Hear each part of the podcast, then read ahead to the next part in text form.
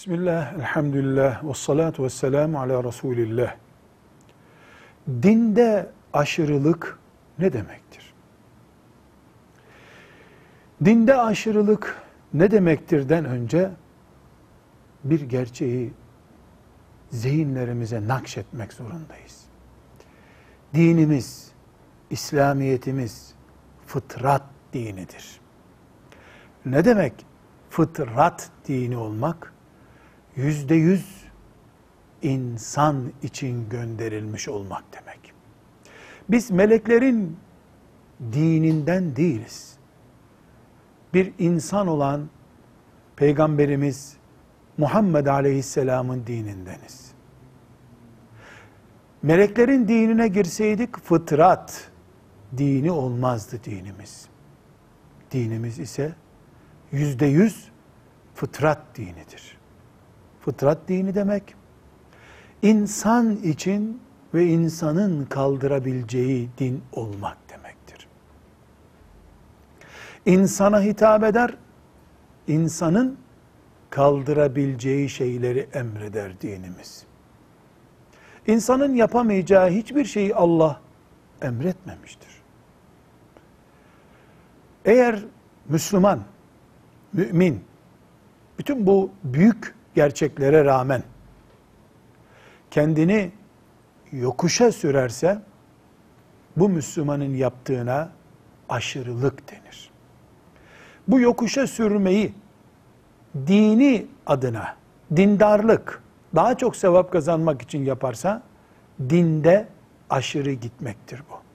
Örnek, Allah namaz kılmayı emretmiştir. Yatsı namazını kılın demiştir.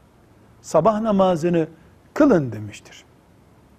Ama yatsı namazı ile sabah namazı arasında da uyumaya izin vermiştir. Çünkü insan 24 saat geçmeden asgari 5 saat uyumalıdır. Fıtratı, doğal yapısı budur insanın. Uyumadan namaz kılmak, yatsıdan sabaha kadar veya cami cami dolaşmak ya da filan işi, ibadeti yapıyorum diye sabaha kadar uykusuz kalmak, bir, iki, üç olduğunda dinde aşırı gitmektir. Allah sadakayı emretmiştir.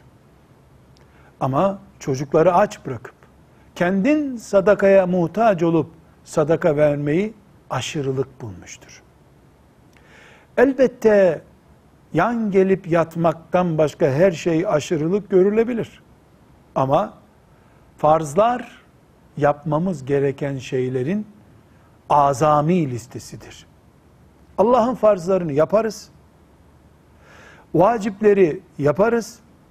Sünnetlerinden de Peygamberimizin aleyhissalatu vesselam kendimizi ezmeyecek, ezdirmeyecek kadar becerebildiklerimizi yaparız. Bundan ötesi aç, susuz, yalnız, kimsesiz, itilmiş, horlanmış, sakat, arızalı kalmamıza sebep olacak işleri ibadet niyetiyle yapsak da bunun adı dinde aşırı gitmektir. Dinimizde de aşırı gitmek yoktur. Aşırı giden kendini helak eder. Velhamdülillahi Rabbil Alemin.